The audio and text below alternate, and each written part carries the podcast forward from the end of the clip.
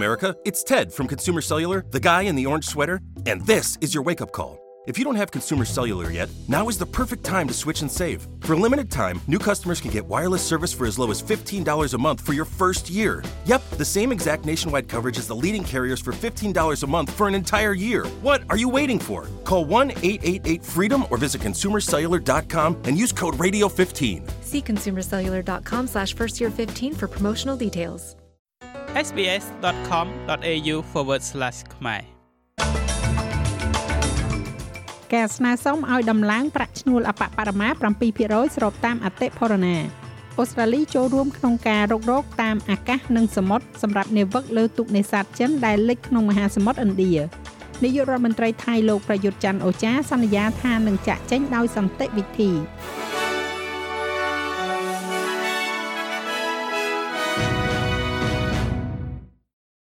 គណៈកម្មាធិការយុតិធធការងារ Fair Work Commission បានសាកសួរអំពីការដំឡើងប្រាក់ឈ្នួលអបបរមា7%ឲ្យស្របទៅតាមអតិផរណា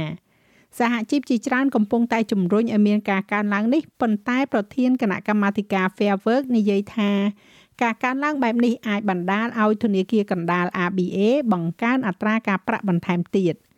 តួលេខថ្មីដែលបានចេញផ្សាយកាលពីម្សិលមិញបានបង្ហាញថាកំណើនប្រាក់ឈ្នួលបានកើនឡើងដល់កម្រិតមួយដែលខ្ពស់ក្នុងមួយទសវត្សរ៍នេះនោះគឺ3.7%ក្នុងមួយឆ្នាំការដាក់ស្នើរបស់រដ្ឋាភិបាលមិនបានកំណត់ជាតួលេខថាតើប្រាក់ឈ្នួលអបបរមាគួរកើនឡើងប៉ុន្មាននោះទេប៉ុន្តែនិយាយថាបុគ្គលិកកម្មករមិនគួរដើរថយក្រោយនៅក្នុងលក្ខខណ្ឌនៃកំណើនប្រាក់ឈ្នួលពិតប្រាកដឡើយ។ លោក Tony Berg រដ្ឋមន្ត្រីក្រសួងទំនាក់ទំនងការងារនិងកន្លែងធ្វើការបានប្រាប់វិទ្យុ ABC ថាកំណើនប្រាក់ឈ្នួលជាតិមិនមែនជាមូលហេតុនៃអតិផរណានោះទេចំណែកឯអត្រាអ្នកគ្មានការងារធ្វើវិញបានកើនឡើង0.8%កាលពីខែមុន ការិយាល័យស្ថិតិរបស់អូស្ត្រាលីបានបង្ហាញពីអត្រាអ្នកអត់ការងារធ្វើ ដែលបានកែសម្រួលតាមរដូវកាលបានកើនឡើងដល់ទៅ3.7%នៅក្នុងខែមេសាជាមួយនឹងការងារមានតិចជាងមុនចំនួន4300ការងារនៅក្នុងសេដ្ឋកិច្ច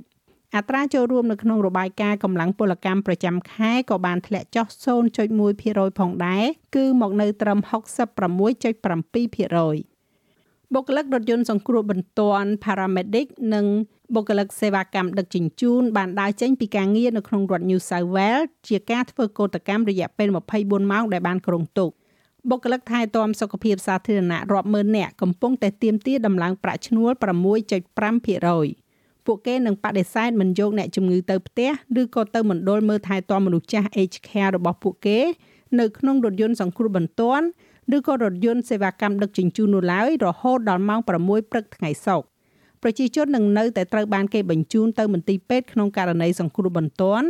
ហើយអ្នកជំងឺដែលត្រឡប់ទៅផ្ទះវិញក្រោយពីការលាងឈាមឬក៏សម្រាប់ការថែទាំដំណាក់កាលចុងក្រោយនៃជីវិតនោះនឹងត្រូវបានលើកលែងពីសកម្មភាពកោតកម្មនេះ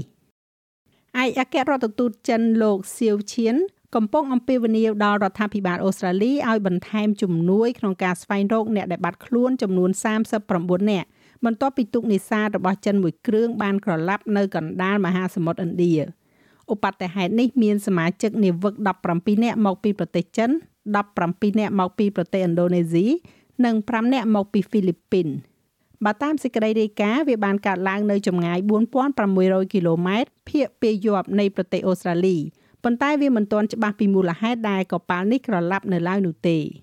អាញាធរចិនកំពុងបញ្ជាឲ្យមន្ត្រីការទូតចិននៅក្រៅប្រទេសក៏ដូចជាក្រសួងកសិកម្មនិងដឹកជញ្ជូនឲ្យជួយស្វែងរកអ្នកដែលនៅរស់រានមានជីវិតតាមផ្លូវអាកាសនិងសមុទ្ររដ្ឋាភិបាលអូស្ត្រាលីបានបញ្ជាក់ថាខ្លួនបានចូលរួមនៅក្នុងការស្វែងរកនេះទោះជាយ៉ាងណាក៏ដោយឯកអគ្គរដ្ឋទូតចិនប្រចាំប្រទេសអូស្ត្រាលីមានប្រសាសន៍ថា ក្រសួងការបរទេសនិងពាណិជ្ជកម្មអូស្ត្រាលី គួរតែបញ្ជូននាវានិងបុគ្គលិកបន្ថែមទៀតដើម្បីជួយដល់កិច្ចខិតខំប្រឹងប្រែងជួយសង្គ្រោះនេះ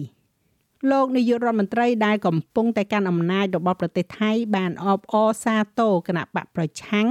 ហើយនិយាយថាប្រជាពលរដ្ឋគួរតែរួបរวมគ្នានៅពេលដែលរដ្ឋាភិបាលថ្មីត្រូវបានបង្កើតឡើង។ វាកើតឡើងបន្ទាប់ពីគណៈបកប្រឆាំងសំខាន់ពីររបស់ប្រទេសថៃបានព្រមព្រៀងគ្នាបង្កើតគណៈបកចម្រុះកាន់អំណាចបន្ទាប់ពីជ័យជំនះការបោះឆ្នោតរបស់គណៈបក Move Forward កាលពីចុងសប្តាហ៍លោកនាយករដ្ឋមន្ត្រីប្រយុទ្ធច័ន្ទអូចាដែលត្រូវចាក់ចេញទៅ សន្យាថានឹងមានការផ្លាស់ប្ដូរដោយសន្តិវិធី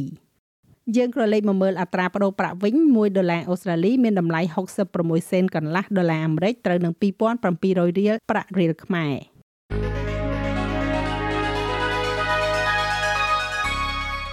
ចំណែកឯការព្យាករណ៍អាកាសធាតុសម្រាប់ថ្ងៃសុក្រស្អែកនេះវិញទីក្រុងស៊ីដនីបើកថ្ងៃល្អ16អង្សាមែលប៊នរលឹម15អង្សាអាដាលេដរលឹមដូចគ្នា17អង្សា និងនៅភ្នំពេញមានពពកដោយពេល38អង្សា